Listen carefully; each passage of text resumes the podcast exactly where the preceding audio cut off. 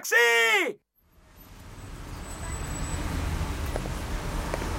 Kaixo, igual naiteke? Ez, aurreko hartara igo behar duzu. Ez, barkatu, nik zure autora igo nahi dut. Estimatzen dizut. Baina arauak arauak dira, eta arauak diote hila da lehen da bizikora igo behar duzula. Ta nik zurera igo nahi badut? Ba, itxaron egin beharko duzu nire txanda izan arte. Ba, itxaron egingo dut. Aizo, aizo, broma zen. Joan zaitez lehen da bizikora eta berak eramango zaitu nahi duzun tokira. Baina nik zurekin hitz egin nahi dut.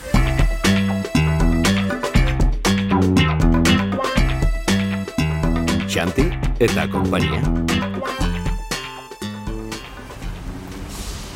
Ah, itzegi. Hori beste kontu bat da. Orduan igo naiteke? Aizo, ez zinen ban, astu. Bez, zenei nahaztu. Zertzara, ertzaina? Ertzaina ez zera. Tasisten mundua interesatzen zait, ikerketa bat egiten ari naiz eta egunotan zuei begira egon ondoren. Ondo ordaitzen aldozu. Lehen da bizi behintzat hartu nahi duzuna eta gero gerokoak. Tabernan, Hori da, ni gizon gizona naiz gero. ez daukat bat ere zalantzari.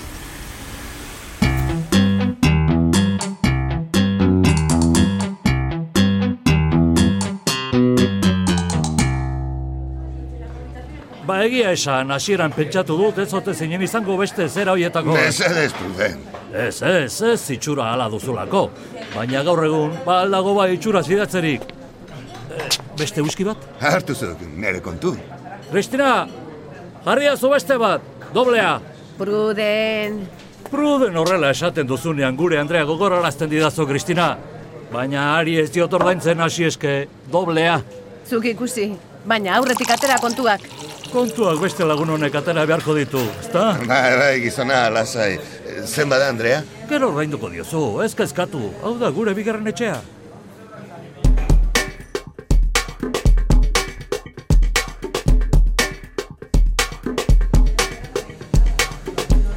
Ez zait bat ere gustatzen, Pako. Ez da bat ere.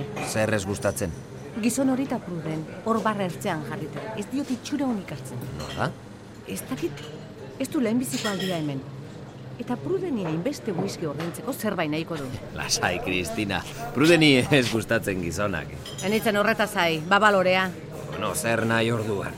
Hoxe ez dakit, itzerdia bakarrik entzuten dizkiet. Tasisten bizimoduaz, gastuaz... Pruden kejatzen ari zen orain gutxi bizitzeko adina ez duela ematen. Eta bestea, jotake, auto ez galdezka. Eta zenbatean behin aldatu behar diren, eta... Hori dena entzun duzu? Aizu, Pakito, ni profesionala naiz.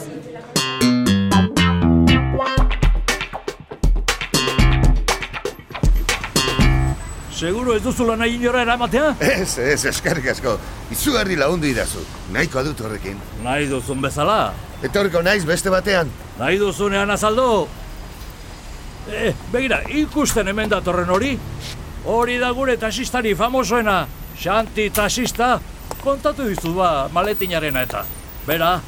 Eh, Xanti! Ze, ze abil pluen, ze, oin eta ernati bueltan, ha? Ze esan nahi du, Xanti? Ik ba, gigergi esko, ha? Whisky pare baten Ba, ba, ba, gatik. ba, ba, i- ikusi, ze jolaxe, Zuzara orduan xanti famosoa. hamo zua ze, ba? Diru aurkituta itzuli zuen tasista. Bai, zi senyor, ta zuzara, ta sisteitze interrogatu jo egiten ibiltzen dena azta, xantik ez du inoiz aurpegi bat azten, eh? Ikusten dut, bai. Esan dio zure lagunari, ikerketa bat egiten ari naiz eta... Ba, bai, beak esango zizun esan beharreko guztia, bai? Oso iztun da bilda gaur, eh? Galdetu, galdetu honi! Ba, ba. Honek asko daki, tasi ez! Ba, ikaina Eta bai. beste gauza asko zere bai! Eh, Xanti!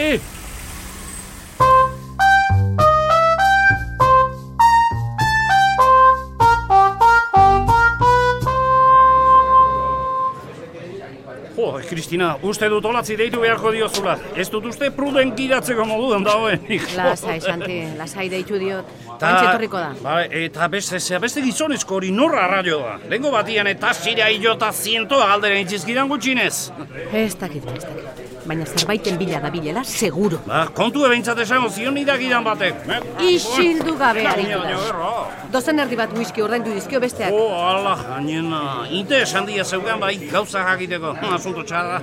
Pakori esan dio, jarraitzeko. Ze, Kristina, nori tapak hori, bok, oi beste za- galdu ingo data. Xanti, Pako bada gauza. Ba. Bueno, eta beste inorretzegoen.